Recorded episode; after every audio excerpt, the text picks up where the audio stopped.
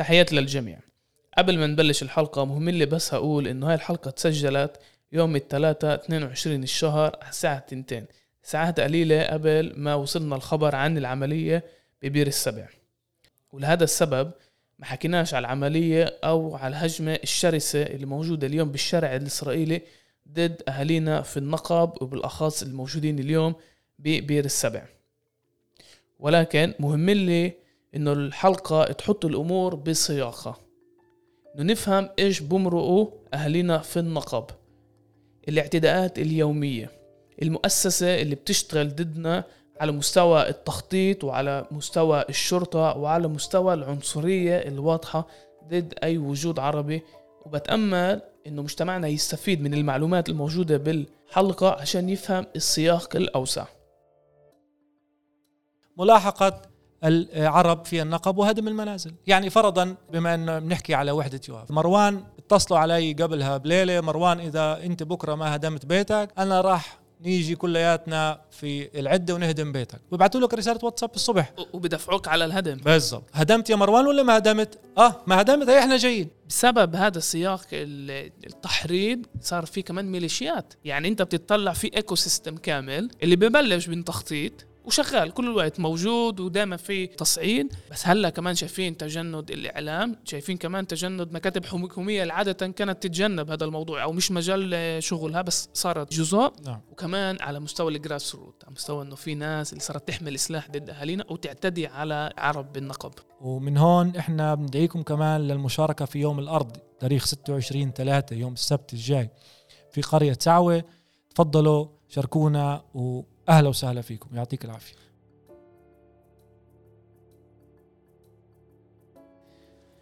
تحيات للجميع من كمان حلقة من بودكاست الميدان. أنا عبد أبو شحادة عبر موقع عرب 48 وزي دايما قبل ما نبلش الحلقة إذا حابين تدعموا المشروع ما تنسوش تتابعونا على جميع تطبيقات ال podcast Spotify Google Cast Apple Cast إحنا موجودين هناك. اليوم معي بالبرنامج الحقوقي مروان أبو فريح. مركز فرع عدالة في النقب ابن مدينة رهط. وعلى أثر العناوين وعلى أثر الهجمة كمان من المجتمع الإسرائيلي وكمان من الحكومات بالأخص الحكومات الأخيرة على أهالينا في النقب. بدنا نحاول نسمع من مروان. أولا إيش تغير بالسياسات الإسرائيلية تجاه أهالينا في النقب؟ أول شيء يعطيك العافية. شكرا أنه أنت إجيت معنا إيه، بس خلينا نبلش مع شوية معطيات. يعني إحنا بنعرف إنه تاريخيا النقب بتعد 60% من أراضي فلسطين. ومن ال 60% هدول بنحكي إحنا على 13 ألف كيلومتر مربع. ومن ال 60% ضل فقط 3% للعائلات العربية الفلسطينية اللي اللي ضلت بعد ال 48 فبس عشان نبلش الحديث إحنا بنحكي على 3% من أراضي المجتمع العربي البدوي الفلسطيني اللي كان موجود وموجود بالنقب إيش تغير بالفترة الأخيرة؟ وإيش المعطيات الموجودة اليوم لعدالة وشغلك إيه، ممكن تعلمنا على اللي بيصير بالنقب إيه، يعني اولا إيه، لنقل إن السياسة المعتمدة منذ النكبة لليوم هي سياسة واضحة لتركيز أكبر عدد من البدو على أقل مساحة ممكنة من الأرض وعمليا توطين أقل عدد ممكن من اليهود على أكبر مساحة ممكنة من الأرض يعني من خلال إقامة مستوطنات وإقامة مزارع فردية. يعني اليوم في النقب هناك أكثر من 80 مزرعة فردية لليهود ولا مزرعة فردية للعرب. ومن خلال مخططات بمختلف مسميات لعمليا تهجير عرب النقب وتوطين اليهود ونقل مشاريع عسكرية وصناعية على أراضي الأهالي في النقب.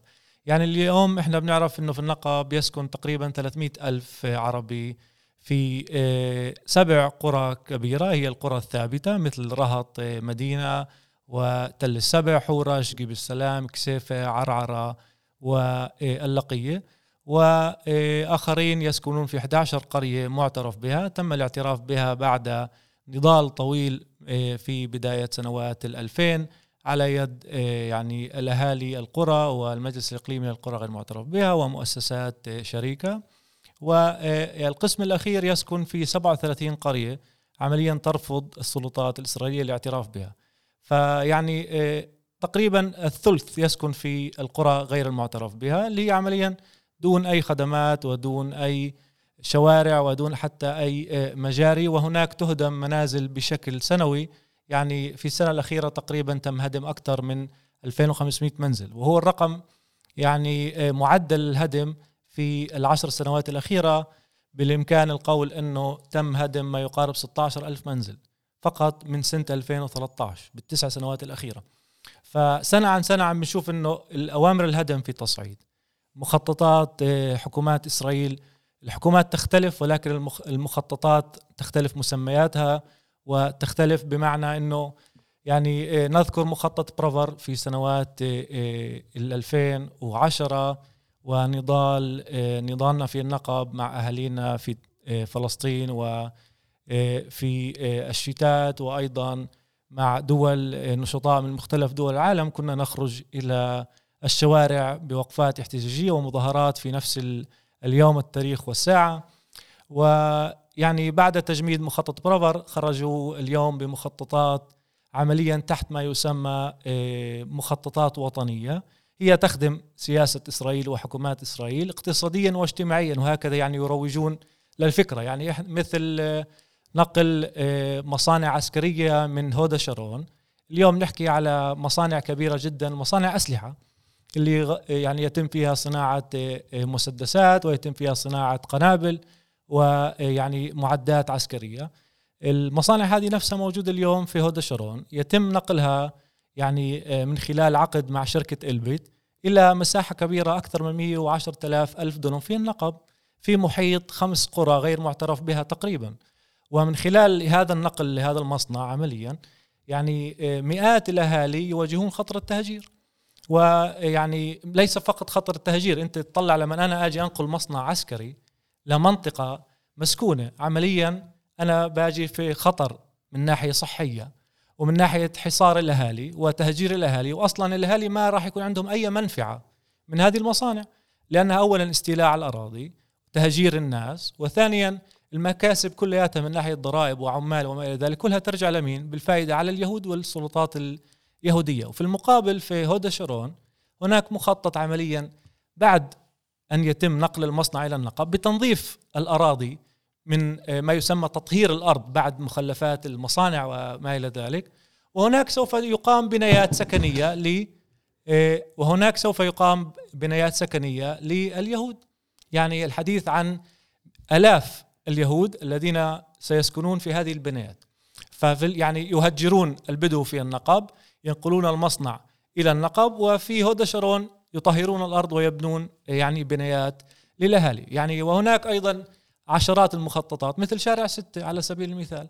يعني شارع ستة اليوم مخطط كبير يعملون يعني لتوصيله إلى ام رشراش إلى إيلات. ومن خلال هذا المخطط سوف يتم تهجير تقريبا يعني آه لنقل مئات الأهالي من خلال مروره في 11 آه، قرية. ففي كل مفترق يتم تمريره اليوم وتوصيل إلى آه، يعني نقطة جديدة. شارع ستة يمر على قرية وهذه القرية يجب أن يتم تهجيرها كي عمليا يستمر العمل في آه، شارع ستة. فنرى مخططات يعني مختلفة كثيرة. من خلالها يعني بيحاولوا عمليا تهجير الأراضي تهجير الأهالي من القرى كي عمليا إيش؟ يفرضوا واقع جديد. هذا مخطط حكومي.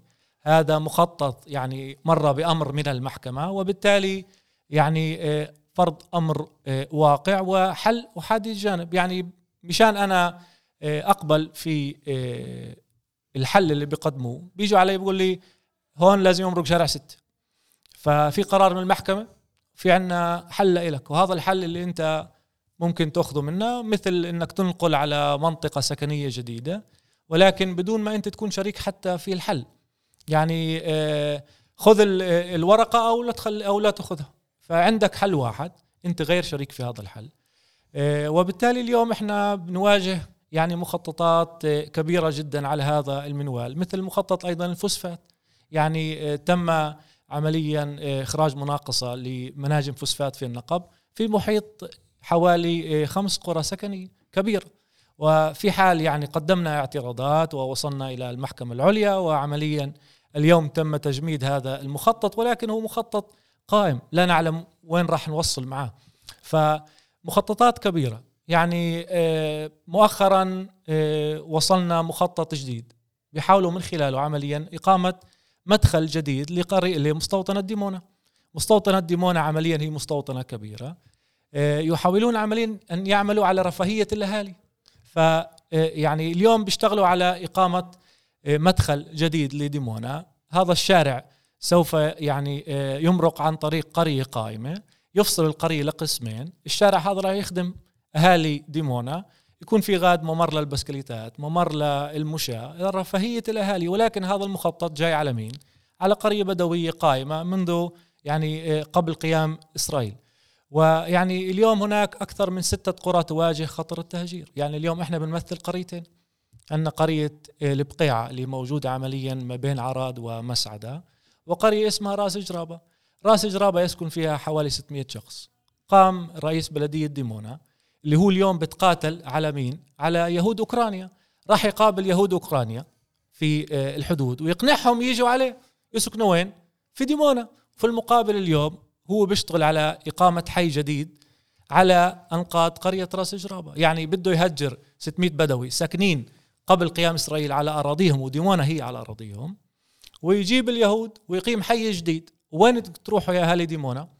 مش معروف. أعطوهم حلين. يا بتروحوا على القرية X يا القرية Y طب الناس مش شريكة لهذا الحل. طب خططوا لنا معنا. ليش ما نضل في القرية هذه؟ وتعترفوا فينا على محلنا. ليش ما إحنا نكون جزء من ديمونا؟ ما عندناش مشكلة. بس ليش تهجرونا؟ يعني على بعد تقريبا 200 متر من هاي القرية من قرية راس جرابه هناك مراكز ألعاب لأطفال اليهود. وأطفال البدو ما عندهم مش اي مراكز ألعاب. مياه مياه الأهالي على الشوارع. برابيش كيلومترات على الأرض تحت أشعة الشمس. بينما اليهود ساكنين قبالهم 200 متر في بنايات وعمارات. وقرية البقاع نفس الشيء. قرية البقاع يسكن فيها اليوم 550 شخص. الحاكم العسكري جابهم بال 53 واليوم بيواجهوا تهجير جديد. لوين؟ كمان حل احادي الجانب تفرضوا عليهم حكومات إسرائيل إلى منطقة جديدة بدون أي يعني شراكة في الحلول. فيعني آه، آه، المخططات آه، لو نفصلها هي عديدة تختلف المسميات ولكن السياسة واضحة جدا كما ذكرنا يعني إنه تركيز أكبر عدد ممكن من البدو لإخلاء اولا الأراضي لتوطين يهود عليها وبالتالي يعني 37 قرية اليوم تواجه خطر التهجير كاملة. كل قرية تقريبا عندها مخطط. كل قرية تقريبا هناك يعني مشاريع آه، آه، صهيونية لتهجيرها. إذا مش اليوم بكرة. فهم بيشتغلوا بسياسة واضحة جدا. يعني نضغط عليك من كل النواحي. إحنا في رهط بندفع حق المية تقريبا 6 شيكل نقطة 8 للكوب. في عدة قرى غير معترف بها. ممكن 18 شيكل يدفع للكوب. وممكن 16 شيكل يدفع للكوب. تعرف عزيزي يعني لما أنا بمر على تقرير أمنستي مثلا اللي انتشر قبل عدة أشهر اللي وصف إسرائيل كدولة أبارتهايد.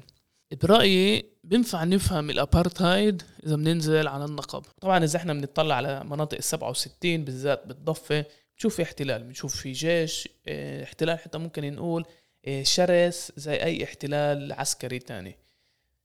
اللي طبعا غزة موجودة تحت الحصار ولكن عندنا في الداخل إذا في منطقة برأيي اللي بتعكس إيش معناه كلمة ابارتهايد هاي النقب اللي أنت بتشوف بشكل واضح تمييز عنصري ضد أي إنسان عربي وامتيازات للإنسان اليهودي على كل المستويات.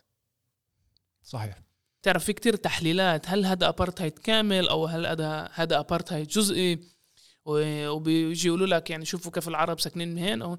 بس لما الواحد بينزل على النقب وبيطلع مثلا كيف مبنية مدينة عراد وبعدين كيف بيشوف القرى الغير معترف فيها اللي بالضبط حدها ل... لمدينة عراد مستوطنة عراد بيفهم هذا هو الأبارتهايد. هذا هو لما الولد اليهودي بيربى وعنده روضات وعنده منتزه وعنده مي نظيفة الولد العربي البدوي بدون هاي هاي الخدمات. بس يعني حبيت يعني يعني انت ذكرت التخطيط وأنا برأيي صحيح اللي بتحكي يعني في تخطيط بيشتغل ضدنا بشكل ممنهج آه، على مستوى قطري بس بالأخص بالذات بالنقب بما إنه بنحكي على 60% من أراضي فلسطين التاريخية اللي اللي ملاحظينه بالفترة الأخيرة بطل الموضوع بس تخطيط بغرف مغلقة بال بين بالمجالس المحلية أو المكاتب الحكومية. إحنا شايفين كمان المجتمع الإسرائيلي يعني بنشوف كمية التقارير اللي انتشرت بالقنوات الإسرائيلية ضد أهالينا في النقب إشي خيالي. بين إذا بدهم يجوا يشرحوا لنا على مستوى الجريمة أو بين إذا إنه بصنفوا العرب أهالينا العرب بالنقب وكأنه بيستولوا على أراضي وكلهم عايشين بفلل ومحلى حياتهم على حساب المواطنين اليهود. ومؤخرا يعني هاي من اللي هي بالأسبوع الأخير بسبب هذا السياق التحريض صار في كمان ميليشيات. يعني أنت بتطلع في ecosystem كامل اللي ببلش من تخطيط وشغال كل الوقت موجود ودائما في آه، تصعيد. بس هلأ كمان شايفين تجند الإعلام شايفين كمان تجند مكاتب حكومية اللي عادة كانت تتجنب هذا الموضوع أو مش مجال آه، شغلها بس صارت آه، جزء نعم. وكمان على مستوى ال grassroot على مستوى إنه في ناس اللي صارت تحمل سلاح ضد أهالينا وتعتدي على يعني أهالينا العرب بالنقب. يعني في اللحظات هاي اللي بنحكي فيها وصلني رسالة إنه تم هدم العراقيب لل 199 يا الله. يعني آه، قرية العراقيب عمليا من 10 7 2010 لليوم تعاني من تطهير عرقي. يعني لا شك إنه ما ما يحصل في منطقة سي يحصل في النقب. وفي هذه اللحظات يعني دخلت قوات من وحدة يؤاب اللي هي عمليا وحدة خاصة التي قامت عام 2012 لملاحقة العرب في النقب وهدم المنازل. يعني فرضا آه، آه، بما أن بنحكي على وحدة يواف آه، مروان اتصلوا علي قبلها بليلة. مروان إذا أنت بكرة ما هدمت بيتك أنا راح نيجي كلياتنا في العدة ونهدم بيتك. ويبعثوا لك رسالة واتساب الصبح. وبدفعوك على الهدم. بالضبط. هدمت يا مروان ولا ما هدمت؟ آه ما هدمت. هي إحنا جايين. بيطلعوا هالمجموعة ما شاء الله موكب. سيارات وتركات وبلدوزرات وحماية وحدة يواف كل شرطي غاد له تسعيرة. في عندهم تسعيرة. يعني الشرطي سعره 400 شيكل لليوم البلدوزر سعره 600 شيكل لليوم اللي بيحمل الشحن اللي بتحمل البلدوزرات التركات. توصلك فاتورة بالبيت زي فاتورة السيارة. إيد أولى موتور 1006 آه، غيار عادي وبتيجي كم جندي اشترك بالعملية. فأنت اليوم لازم تدفع 18000 شيكل. وهسه كيف بتعمل هاي الحسابات؟ اليوم طلعوا يهدموا ثمان منازل. آه، سعر هذه عملية هذا الهدم لهذا اليوم ممكن تكون مئة ألف شيكل فرضا. وهذا صار. فالمئة ألف تتقسم على ثمان منازل. يعني مئة ألف تقسمها على ثمان منازل. الجواب بيطلع عمليا الفاتورة اللي راح تدفعها على الهدم. هدموا اليوم أربع منازل والتكلفة مئة ألف. بدك تدفع خمسة وعشرين ألف. فهيك بيشتغل بهذا ال system. فيعني قبل قليل فاتوا على العراقيب وهدموها للمرة 199 بنحمل تحياتنا للعراقيب ونحييهم على صمودهم قلعة آه، الصمود في النقب. يعني آه، لا شك أنه أذرع الحكومة بمختلف مسمياتها مثل مؤسسات ريغافيم ومؤسسات عديدة أخرى ومؤسسة أور. يعني آه، خذ على سبيل المثال مؤسسة أور جمعية مسجلة. هي عمليا تقوم على جولات يومية أسبوعية سنوية في النقب لعمليا دعاء لإقامة دعايات. بيجيبوا وفود من خارج البلاد بلفوهم بالنقب. هون بدنا نقيم مستوطنة شو رأيكم؟ اشتروا هون. بيسوقوا لمستوطنات في النقب من خلال جمعية أور. هذا شغلها. هم عمليا بيسوقوا لمين؟ لاستيطان في حيران اللي هي عمليا بدها تقوم على أنقاض. أم الحيران. فهم بيشوفوا عمليات الهدم وبيقولوا هون بدنا نقيم المستوطنة بس بعد ما نطرد البدو. وحاليا في حيران ساكنين بالغابة. في غاد مجموعة من 30 شخص يهود مستوطنين عندهم كل الخدمات. كل الخدمات في غابة. وكمان عندك جمعية رقافيم. جمعية رقافيم عندها عمليا طائرة أسبوعية بتطلع بتلفلف حوالين آه، فوق آه، منازل أهل النقاب. وبتقدم تقاريرها لسموتريش وجماعته لشكيد وجماعتها. وفي المقابل بنشوف بوسائل التواصل الاجتماعي والصحف البدو يسيطرون على النقب والحكومة فقدت السيطرة على النقب. يعني في هذا السياق إيه، خلينا نعطي مثال واحد. كل سنة حكومة إسرائيل بتدفع ما يقارب 100 مليون شيكل على مواصلات أطفال وطلاب مدارس من القرى الغير معترف بها إلى مدارس في القرى الثابتة والمعترف بها. ليش؟ لأنه إذا أنا أقمت مدرسة في قرية غير معترف بها أنا قدمت عمليا اعتراف. اعتراف نوعي. فيعني هي مستعدة. كل سنة تدفع 100 مليون شيكل لمواصلات. من قرى غير معترف بها لمدارس في قرى قريبة. ويعني أنت بتحكي هون على طلاب اللي بيقوموا الساعة ستة ونص الصبح بيمشوا في بعض القرى مسافة تجيهم ترانزيت صغيرة لأنه القرى بين جبال وبعدها بيجي الباص على الحم جنب الشارع بيطلع فيهم 15 20 كيلومتر للمدرسة كل يوم. فمعاناة. ففي سنة 2017 كان عندنا تقريبا أكثر من 5000 طفل بجيل ثلاثة إلى أربعة. في المنازل ليش؟ لأنه عمليا قانون آه، التعليم الإلزامي كان لا يشمل أجيال ثلاثة إلى أربعة. وبعد تعديله في سنة 2018 الدولة قالت إحنا ما بنقدر نقيم رياض أطفال للقرى في القرى غير معترف بها. ليش؟ لأنه نفس الموال. إذا قمنا قرية إذا قمنا روضة أطفال وقمنا مدرسة إحنا عمليا نعطي اعتراف نوعي.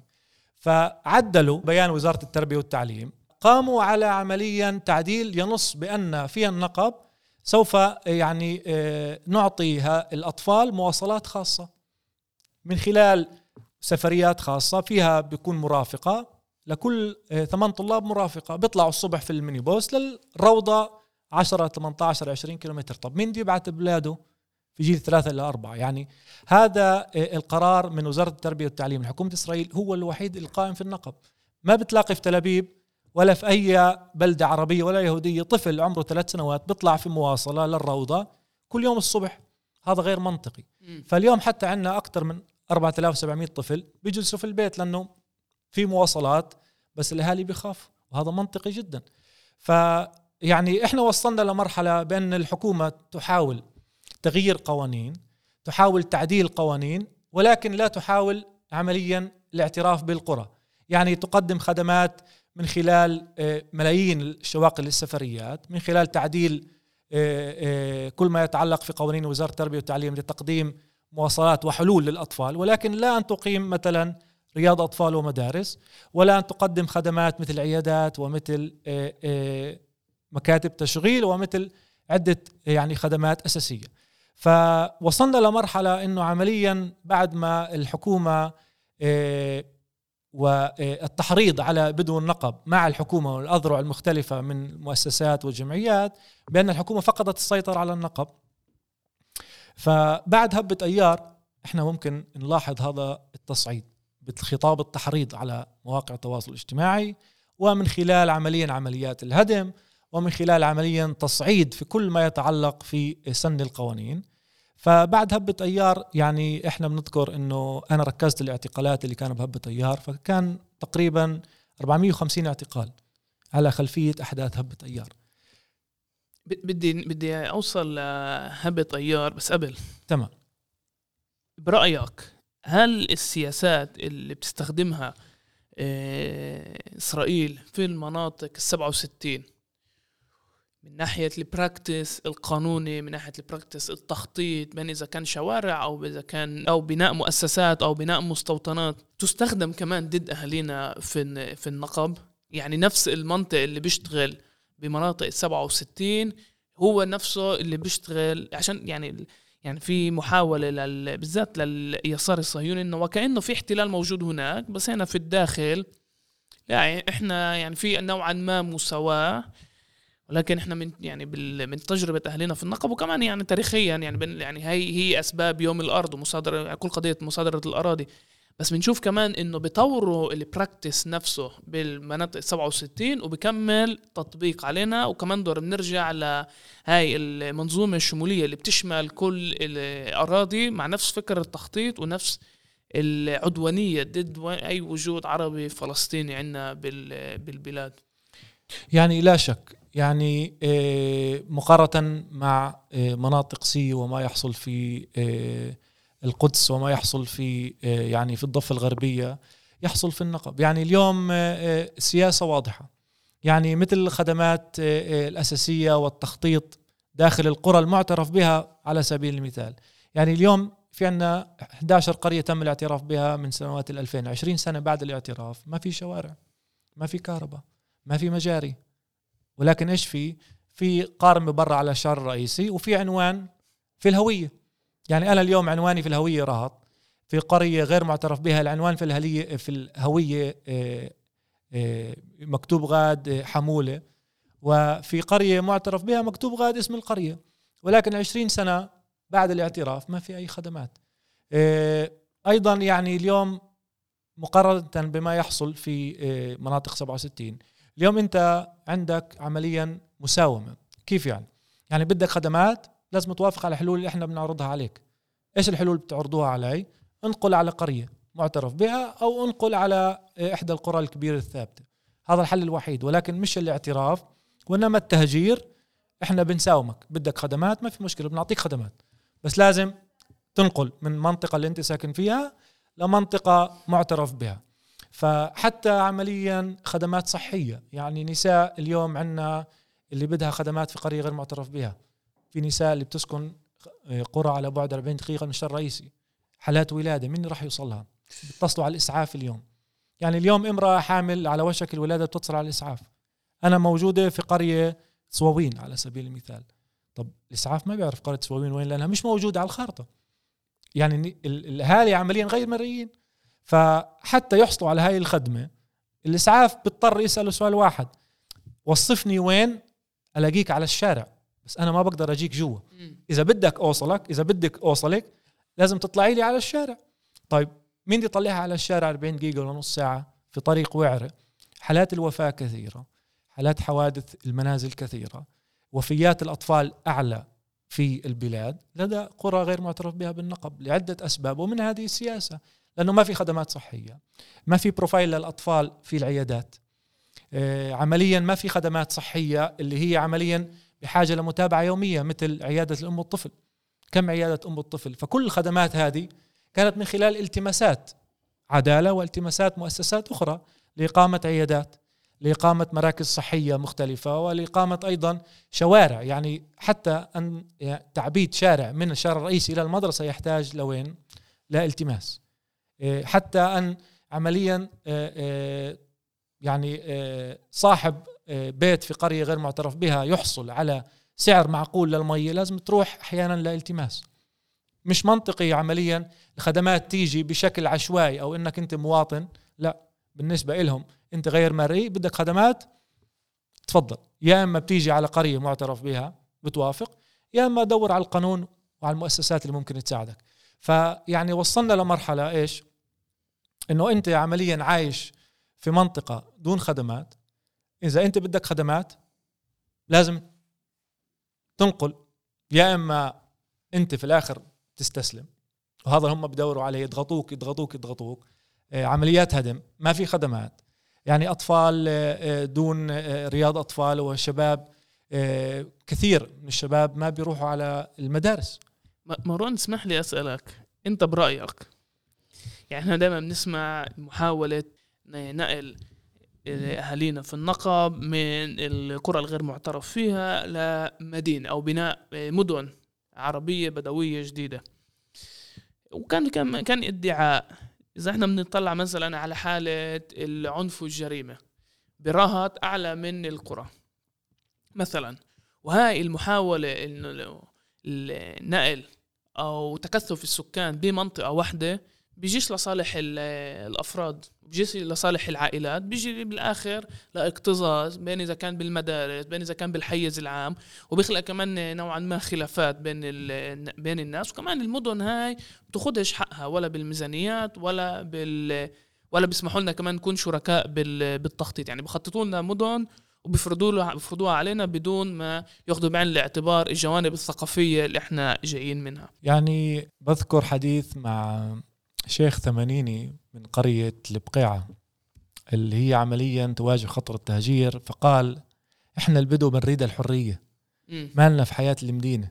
يعني إحنا متعودين كل حياتنا عايشين في البادية عايشين بالصحراء مع الأغنام مع عمليا طبيعة حياتنا التقليدية التراثية اللي ورثناها عن أبائنا وأجدادنا. بتيجي اليوم دولة إسرائيل بتحاول آه تمدن بطريقة أو بأخرى بطرق قصرية عمليا تمدن البدو تنقلهم دون حتى إشراكهم في التخطيط. يعني أنت تطلع حتى آه، قرية تل السبع اللي قامت بال 69 يعني كانت قرار آه، حكومي لتركيز البدو وتمدينهم. قامت على أساس تخطيط أوروبي وليس بشرا يعني بدون أي شراكة م. عربية. وهيك كل القرى. يعني قامت على تخطيط حكومي بدون إشراك أهالي. يعني اليوم أنا لما أسكن بقرية غير معترف بها. ساكن لي قبل قيام إسرائيل موجود في هالقرية هذه على تاريخ أهلي وأجدادي ساكن موجود. بتيجي اليوم الدولة بتنقل لي على قرية معترف بها قرية عصرية. طيب هل أنا ممكن غاد اربي أغنام؟ لا. هل أنا ممكن غاد يعني يكون عندي حيز ومساحة خاصة فيي اللي ممكن عمليا أحط خيمتي جنبي؟ طبعا لا. آه، الاكتظاظ هذا اليوم الحل اللي بتطرحه حكومات إسرائيل من خلال بنايات آه، بناية وحدات سكنية وبنايات. فلنقل آه، إنه اليوم وصلنا لنتائج وأهالينا في القرى اللي تم نقلهم وتهجيرهم إليها يعني شافوا الحقيقة بعينهم. والسكن في هذه القرى اليوم يعني في عدة إشكاليات. اولا إشكالية هي المركزية والأساسية اللي بتيجي اليوم حكومة إسرائيل. بتهجر مروان من قرية غير معترف بها. بتقول له أنت مسموح لك تسكن في هذيك الأرض في هذه المدينة. أو في هذه القرية. طيب هذه الأرض عليها ادعاءات ملكية لطرف ثالث. يعني هناك بدو ادعوا ملكية على هذه الأرض. طيب هل أنا بقدر أجي أفوت أسكن على هذه الأرض؟ طبعا لا. فحتى اليوم بتحاول إسرائيل عمليا تدخلنا في نزاعات داخلية. مروان كوننا كمان حقوقي بحب أسألك يعني هاي ال يعني يعني ال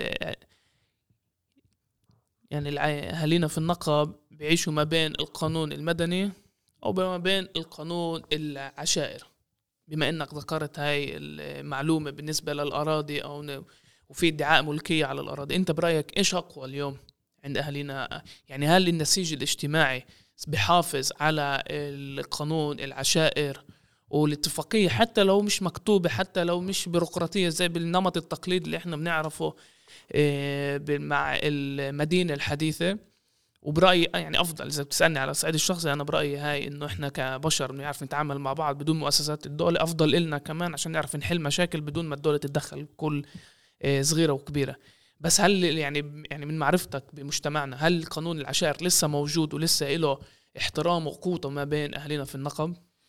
يعني اولا آه، أنا أحترم القضاء العشائري رغم بعض التحفظات ولكن أحترمه جدا اليوم إحنا بنلاحظ إنه حكومات إسرائيل تحاول تضعيف هذا القضاء يعني بفاعل مفتعل. وبنشوف إنه حتى جهاز المخابرات بدأ يدخل في كل قرانا لمحاولة عمليا تضعيف جهاز القضاء العشائري إيه، جهاز القضاء العشائري له عدة ميزات إيجابية جدا. لو نرجع على سنوات يعني الثمانينات آه، والتسعينات بنشوف إنه كان يحكم القرية ويحكم العشيرة قضاء عشائري آه، صارم وصريح جدا. وكان هناك يعني حتى آه، التزام في لدى الشباب والتزام لدى العشائر واحترام هذا القضاء العشائري. اليوم حكومات إسرائيل بتحاول تضعف هذا القضاء لأسباب سياسية واضحة لأنه اليوم هي بتحاول فرق تصد تحاول تفرق الحمولة وتحاول تفرق العشيرة. يعني أنت اليوم حكينا على بنايات آه، آه، وحدات سكنية. طيب الهدف من هذه الوحدات اليوم دولة إسرائيل بتعرف وسياسات وحكومات إسرائيل بتعرف إنه أغلب البدو بيسكنوا يعني آه، جيران بعض بيكونوا كلهم عشائر وحمال فاليوم هي بتحاول تفصل هذه يعني النموذج السكني وتنقله لوين؟ لبنايات سكنية يسكن فيها في يعني آه، آه، جيران من حمول فلان وحمول فلان وحمول فلان يعني تفرق بين الحمال بفعل فاعل. ما بدها تظل الحمال لحمة واحدة لأنه الحمال إذا ظلت لحمة واحدة هي قوة. ولما أنت قوي أنت بتواجه حكومات ولكن اليوم هي بتحاول تدخل بيننا حتى تفرقنا وتنقل لنا بنايات سكنية على مدن عصرية. يعني آه لا تموت صلة ولا بثقافتنا ولا بهويتنا بالزبط. ولا بعلاقتنا مع الحيز العام. بالضبط. يعني بذكر أنا آه آه قالها قبل عشرات السنوات موشي ديان. موشي ديان قال يعني في خطابه مع هآرت في سنة ال 63 بأن إسرائيل تحلم أن ترى عمليا البدوي دون الشبرية ودون اللباس التقليدي البدوي وتحلم أن تراه يعني مع بنطال جنس وتسريحة عصرية. وهذا ما يحصل اليوم. يعني سياسات حكومات إسرائيل مختلفة تبحث عن عمليا تفريق النموذج العشائري كي عمليا تضعف البدوي. ولما أنت تسكن بدوي في بنايات غير ملائمة له أنت عمليا أضعفت الكيان والبنيان العشائري. وبالتالي فصار ملجأك الوحيد هو آه، القانون الإسرائيلي والشرطة الإسرائيلية. عندي صديق باحث بالضبط هلا مطلعين تقرير مسألة الهوية لأهلنا في النقب يعني بمعنى كيف بنعرف عن حالنا. وفي معطيات جدا مثيرة للاهتمام منها إنه 60% من الشباب في النقب الهوية المركزية اللي هم بيعرفوا فيهم يعني بيعرفوا عن حالهم عن طريقة هي الهوية الفلسطينية. يعني بيقول أول شيء إحنا فلسطينيين بعدين عرب بعدين مسلمين أو فلسطينيين مسلمين عرب يعني بين أجيال 18 لعند أجيال 25 المثير لما نسأله نفس السؤال للجيل الثاني بعد النكبة يعني من جيل 50 لعند جيل 66 لقوا إنه بس 6% كانوا يعرفوا عن حالهم كفلسطينيين. فمن هذه الملاحظة بحب أسألك كيف أنت بتشوف أحداث أيار هبة الكرامة وهل برغم كل التحديات وكل المخططات بالآخر في يعني شعب أو مجتمع جزء من شعب اللي فاهم حاله وين هو موجود فاهم إيش التخطيط ضده وبرفض الاستسلام. يعني آه، أنا بسمي هذا الجيل الجيل آه، رقم الصعب. ليش؟ يعني لاحظنا في هبة أيار وهبة النقب الأخيرة آه، وجود هذا الجيل وتواجده على الشوارع وعلى الخط الأول للنضال. ورأينا يعني أجيال حتى أقل من 18 شباب 16 17 وصبايا 16 17 18 حتى 24 هم عمليا كانوا في واجهة النضال. فهذا الوعي يعني ربما جاء متأخر ولكن الوعي في النقب موجود ويعني كان برافر خير دليل على ما حصل وعلى الوعي الموجود آه، في النقب. آه، أنا بعول على هذا الجيل. هذا جيل يعني رائع جدا. في المقابل خلينا نتذكر إنه جيل اللي مرق النكبة والجيل اللي مرق عمليا كل الح... منظومة الحاكم العسكري والضغوطات والقتل والترهيب وجر الخيام في ساعات الليل وحصار القرى في ساعات الليل. لما كانت العشائر تسكن وحدها في الصحراء هو جيل اللي موجود اليوم وتخرج عنه أجيال. على سبيل المثال في الانتخابات لليوم في بعض المشايخ وبعض الناس كبار بالسن بذكر إنه إذا ما صوت مثلا للليكود بيأخذوا جنسيتي بيأخذوا هويتي. ليش بيحكوها؟ لأنه عمليا هذا اللي كانوا يخوفوه في صحيح. أيام الحاكم العسكري لليوم. فهو ماشي على نمط واحد. إحنا ما بنواجه الحكومة. إحنا إذا واجهنا الحكومة يا بتحبسنا يا بتهجرنا يا بتاخذ هويتنا. وهذا صار أيام الحاكم العسكري والنكبة. فأنا بفكر إنه هذه المعطيات يعني بنظري آه، صحيحة. آه، ربما تختلف يعني أنا في نظري هي آه، أكثر من من ذلك بكثير. ولكن ربما هي يعني بالفعل صحيحة. وهذه تشير بأنه يعني الجيل اليوم هو جيل واعي. لا يخاف ما يخافه الجيل القديم. لأنه الجيل القديم آه، مرق وتأثير مرق نكبة مش سهلة وتأثير النكبة والحاكم العسكري والتهديدات اليومية. يعني سيدي توفى على جيل 105 مرق آه، يعني آه، بريطانيا مرق العثمانيين وبريطانيا وإسرائيل وتاريخ ماشي. فكان يذكر كل هذه الأمور وكان يحكي بصعوبة. كنت اجره بالحكي. بخاف يحكي. مع إنه ما كان يحسب حساب. بس حذر بالحكي مش وإنه بخاف يحكي. فكنت أطلع منه المعلومات التاريخية يعني بطريقة أو بأخرى لأنه هذا جيل كان عايش نكبة يومية وتهديدات يومية وتهجير يعني بتذكر أمثلة كثيرة. كان يحكيها على كيف كانوا يجوا آه، آه، مجموعة الدائرة الخضراء اللي أقامها أريال شارون بآخر السبعينات يجوا يربطوا الخيمة بالسياره ويهدوها على رأس الناس اللي ساكنين فيها بساعات الليل بساعات النهار. فهذا اللي مرق هذه آه، العمليات الإرهابية اللي نسميها. هذا جيل حذر جدا في تعامله مع حكومات إسرائيل لأنه عمليا حكومات إسرائيل كانت ترهبه بصورة يومية وهو عايش تحت إرهاب هذه الحكومات. بدي من هنا نكمل لهبة القرامة وإيش صار مع تأسيس الميليشيات. يعني آه، على آه، على خلفية أحداث هبة الكرامة خرجت مؤسسات يهودية متطرفة مثل ريغافيم وكتائب جديدة على الساحة وظهرت في يعني بيانات بأن إسرائيل فقدت السيطرة على النقب وحكومة فقدت السيطرة على النقب هذا قبل أيار؟ هذا بالضبط بعد أيار وخلال يعني أيام أيار م. وجدنا يعني بتفوت على مدينة بير السبع ممكن تشوف قارمة كبيرة على بناية كبيرة جدا آه، الحكومة فقدت السيطرة على النقب إذا بتفوت على مواقع التواصل الاجتماعي مثل جمعية ريغافيم طلعت اليوم كتاب اسمه بدوستان. ما يحصل في النقب. بدوستان. يعني آه، مش بعيد تشبهنا بنظام القاعدة أو داعش. تخيل. فاليوم الكتاب يتم تسويقه ويعملوا له إشهار وتمويل وتجنيد موارد رهيب. وهي أكبر جمعية تحصل على ميزانيات حكومية ربما في اليمين المتطرف. وهي يعني جمعية لها تبعية لسموتريتش ولشكيد وهي تقرر عليهم أيضا. يعني تفرض عليهم بتقدم تقارير يومية وأسبوعية وبتفرض وقائع وبتغير. فنتيجة لأحداث هبة أيار عمليا إحنا شفنا التحام ولحمة ما بين الشعب الواحد في النقب وفي فلسطين التاريخية وهذا الشيء اللي ما بدها إياه إسرائيل. يعني إسرائيل من أيام برافر تحول تحاول أن تسوق إيش؟ إنه النقب مش جزء من فلسطين. النقب آه، هذه منطقة خاصة وهذولاك يعني البدو ما بيعرفوا عن حالهم فلسطينيين والبدو هذول جماعة منفردين وبيتعاملوا وبيشتغلوا معنا وما إلى ذلك. فخلال أحداث برافر وبعدها إلى أحداث أم الحيران وبعد أحداث أم الحيران يعني استشهاد آه، آه، آه، الجعار بعد استشهاد يعقوب بالقيعان الله يرحمه وكان هناك استشهاد الجعار والزيادنة واستشهاد الهربد مؤخرا.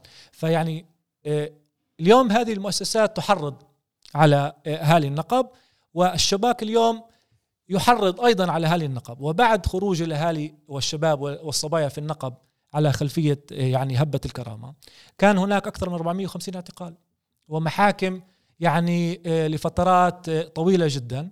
وما زالوا اليوم حتى اليوم يعتقلوا على خلفية هبة أيار. قبل ثلاث أسابيع اعتقلوا 14 شاب على خلفية هبة أيار. فنتيجة لكل أحداث أيار يعني كانت آه، المؤسسات المتطرفة يعني وكلها متطرفة تنادي بأن الحكومة فقدت السيطرة على النقب فوجدنا في أن الشباك تدخل وخرج بتقرير مؤخرا بأن كل يعني الذين شاركوا في مظاهرات هبة أيار هم أبناء لم الشمل. يعني مشان يمرروا قانون شكيد منع لم الشمل منع لم الشمل قانون المواطنة الشباب قدم تقرير كل اللي شاركوا بمظاهرات آه، هبة الكرامة. هم اللي أمهات فلسطينيات أو لآباء فلسطينيين. وبعدها عمليا وجدنا أنه هناك يعني مبادرات يهودية تخرج إلى الحيز العام مثل آه، مبادرة إنقاذ آه، لجنة إنقاذ النقب يترأسها يعني فرد عن حزب عثمان يهوديت اللي هو حزب باروخ مرزل وإيتمر بن كفير وهذه عمليا اللجنة كما تسمى لجنة إنقاذ النقب تحاول أن تعيد السيطرة إلى حكومة إسرائيل وتحكم السيطرة على بدو النقب عرب النقب من خلال إقامة عمليا منظومات للدفاع عن آه، اليهود في آه، بئر السبع والمناطق اليهودية في النقب فهذه اللجنة على سبيل المثال قامت على تسجيل نفسها جمعية مسجلة في السجل الإسرائيلي وقامت على مبادرة تسمى عمليا كتيبة برئيل. برئيل اللي قتل على حدود غزة قبل آه، حوالي ثمان أشهر. جندي قناص. جندي قناص قتل على حدود على جدار الفصل العنصري. فهذه الكتيبة يعني وقف راسها آه، يقف عليها الموك كوهن اللي هو عمليا يترأس لواء الجنوب في حزب عثمان يهوديل آه، أقام كتيبة بدعم من رؤساء سلطات محلية مثل عمر لهافيم وبئر السبع و بدعم من الشرطة نفسها. وفي يعني خطاباته وتصريحاته قال بأن كل من سيتطوع في هذه الكتيبة سوف يحصل على صلاحيات مثل توقيف وتفتيش في الشوارع. فما يعني اللي اشتغلوا عليه عمليا من خلال هذه الكتيبة إنه يكون في عندنا متطوعين بالشوارع. يشوفوا البدو يفتشوهم يشوفوا البدو يهاجموهم. يعني آه، أخذوا القانون لأيديهم. ميليشيات. لكل يعني ما تحمل كلمة المعنى ميليشيات في آه، القرى إيه، أو المستوطنات اليهودية.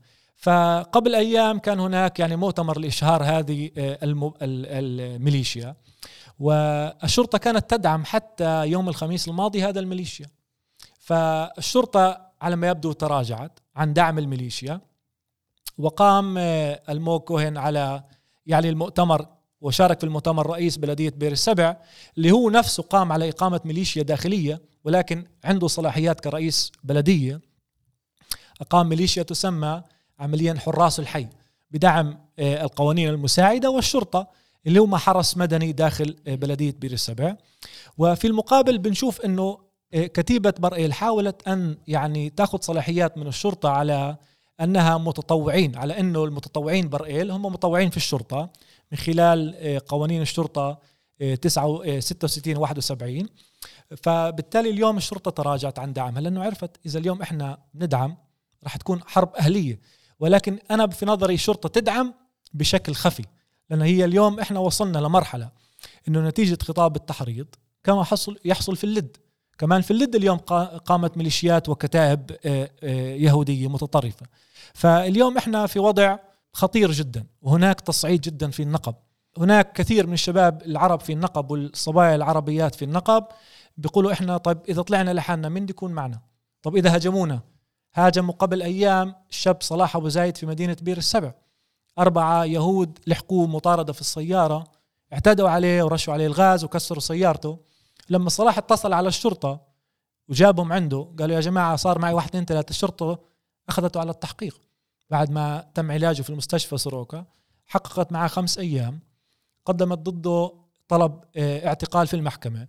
وبالفعل الشرطة قدمت يعني طلب اعتقال قلبت التهمة منها يهودي اعتدى على عربي لعربي اعتدى على يهودي. وقدمت يعني طلب اعتقال لست أيام في المحكمة. وبالامبارح كانت الجلسة القاضي آه، قرر إطلاق سراحه لحبس منزلي ولكن الشرطة استأنفت قدمت اليوم استئناف للمحكمة المركزية وقبل يعني ساعات تم إطلاق سراحه في المحكمة المركزية والمركزية ردت استئناف الشرطة. فواضح يعني حتى من خلال هبة النقب الأخيرة كان هناك اعتقال أكثر من 150 شاب من بينهم 40% قاصرين وهذا دليل على معطيات اللي ذكرتها قبل شوي بأنه أغلب الشباب اللي شاركوا بهاي المظاهرات كانوا قاصرين وتم اعتقال القاصرين لأنه الشرطة بدها تركز ومركزة على القاصرين. فيعني نحن اليوم نواجه تصعيد من كل النواحي ميليشيات مخططات حكومية شباب كثيرة جدا تتواجد يعني ملفاتها في المحاكم آه، يواجهون تهم أمنية وتهم مخابرات وحتى يعني آه، آه، يتواجدون اليوم في المنزل بحبس منزلي بشروط مقيدة. يعني حتى اليوم هناك ملفات شباب من هبة أيار. وهناك اليوم أكثر من 15 شاب معتقل على خلفية هبة النقب منهم أر... منهم سبعة قاصرين وأربعة بالغين يواجهوا تهم أمنية تهم مخابرات. فما إيه، حصل يعني عمليا في الهبة الأخيرة. كان واضح تصعيد في المحكمة. كل قرار إطلاق سراح كانت الشرطة تقدم استئناف فوري. فكان هناك أكثر من 45 استئناف على قرارات إطلاق السراح. يعني أرقام وما إيه، إيه، شاهدناه في المحاكم صراحة بعيد. يعني كل البعد عن أي لنقل رؤية قانونية. خلال هبة القرامة بداية الأحداث اعتقلوا خمس شباب عندنا بالمدينة بيافا تحت تهم ثقيلة الصراحة. نحن كنا يعني من لجنة الدفاع بيافا كنا نشارك بال يعني نتواجد بالمحاكم. وبتذكر منيح لما اجى الشرطي محامي يعني شرطي محامي. وقف قدام القاضي وقال له بشكل واضح شرطة إسرائيل مش راح تسمح لأي حدا يعتدي على يهودي. هلا لو إنه حكى شرطة إسرائيل بتسمحش لأي حدا يعتدي على مواطن شرعي جدا يعني هذا دور الشرطة. ولكن أنا فهمت يعني شو معنى يعني شرطة اليهود ودولة اليهود ومحكمة اليهود ولجان تخطيط اليهود. يعني شو معنى دولة اليهود اللي زي ما انت حكيت من كل النواحي يعني الإعلام المجند التخطيط المؤسسات المجتمع. إيه قبل ما ننهي أنا صراحة بدي أقترح عليك فكرة. إيه وبحب أخبرك أنا كل فترة وفترة بعمل جولات لشباب من النقب وبعيد عن الرومانسيات. نعم. أنا باعتقادي في إشي عند اهالينا بالنقب جزء كمان من الرواية الشخصية أو الرواية العائلة أو العشيرة اللي فيها الشهامة موجودة بقوة. صحيح. وأنا كنت اتفاجئ يعني شباب يكون عمرهم 19 20 قديش مهتمين بعروبة مدينة يافا. هيك يكون بعملهم جولة بحي العجمي يسألوني هذا البيت عربي ولا مش عربي ويتضايقوا. يعني في نعم. إشي عروبه يعني واضح جاي من كيف هم بيشوفوا حالهم كيف بيشوفوا العروبة ومركزية العروبة والجانب الوطني بهويتهم. قليل الناس بتعرف إنه كان كمان بدو بيافا قبل ال 48 هلا طبعا كان في بدو بكل محل نعم. من الشمال لجنوب فلسطين. بسبب النكبه اغلبهم يعني أي أغلب الناس تهجروا. وبناء على هاي أنا عندي حل. بكتابه لأدم ليفاين Overthrowing Geography بيحكي على العلاقات بين يافا وتل أبيب. فلما اليهود اللي كانوا ساكنين بيافا قرروا بيبنوا مدينة جديدة اسمها تل أبيب. طبعا هي انبنت من حي المنشية بالحي الأول اسمه نافيت سيدك هذا يعتبر أول حي يهودي اللي بيطلع من مدينة يافا. فأدم ليفاين قدر عرف يطلع من الأرشيف البريطاني البروتوكول على بناء الحي الجديد اسمه نفت سيدك وترى إنه هاي كانت أراضي العرب الفلسطينيين البدو اللي كانوا عايشين بحي المنشية. وعرضوا المشروع على أساس إنه كانت أرض زراعية اللي كانوا يشتغلوا فيها. تمام؟ يعني حتى كل رواية تل أبيب يعني المشروع الصهيوني يعني انبنى على أراضي بدوية. إذا بدك كمان بقدر أمرق لك الكتاب. وفي قرية اسمها جمسين موجودة بمركز تل أبيب. قبل فترة كان في بالقرية هاي نقلوا عليها من اليهود دول الدول العربية ودول الإسلامية بعد ال 48 وسكنوهم بالقرية وغيروا اسمها عملوها جفعة عمال. اللي متابع الأخبار العبري أكيد سمع على جفعة عمال. جفعة عمال قرية جمسين هاي قرية بدوية. فأنا عندي حل. حلو. تمام؟ هلا لازم يرفعوا عمارات هناك يطلعوا العائلات ففدية الأرض لازم تشوفها إيه، لازم يرفع عمارات. بما إنه مزعجينهم أنتم بالنقب أنا بقول تيجوا عنا. تيجوا على جماسين. هي مركز تل أبيب صحيح يعني بس هي يعني جزء من يافا. ونرجع الكرة فكرة عظيمة هاي. البدوية على على يافا. عظيم يعني عظيم. عزيزي شكرا شكرا إنه إجيت. يعطيك العافية إذا في عندك أي مداخلة أخيرة إذا بتحب إنه المستمعين يتابعوك أو يتابعوا شغلك عبر صفحة إنستغرام أو فيسبوك أو أي شيء يعني هاي المنصة يعني اولا يعطيك العافية عبد وشكرا على الاستضافة. أنا بفكر إنه الرواية الحقيقية موجودة مع اهالي النقب. مهم نستمع للرواية الحقيقية. اليوم إسرائيل بتحاول تصيغ رواية دائما مختلفة عن النقب حتى عمليا تحاول تفصل النقب عن فلسطين الأم.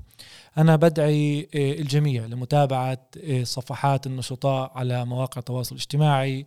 مثل انستغرام هناك صفحة اسمها النقب official ممكن متابعتها يعني الشباب نشطاء عليها جدا. وهناك نخرج live يعني مباشر دائما ونحتلن يعني آه، حول أحداث النقب. وأنا يعني من هنا بدعيك عبد وبدعي الشباب. أهلا وسهلا فيكم في النقب. تعالوا نتجول نكتشف النقب.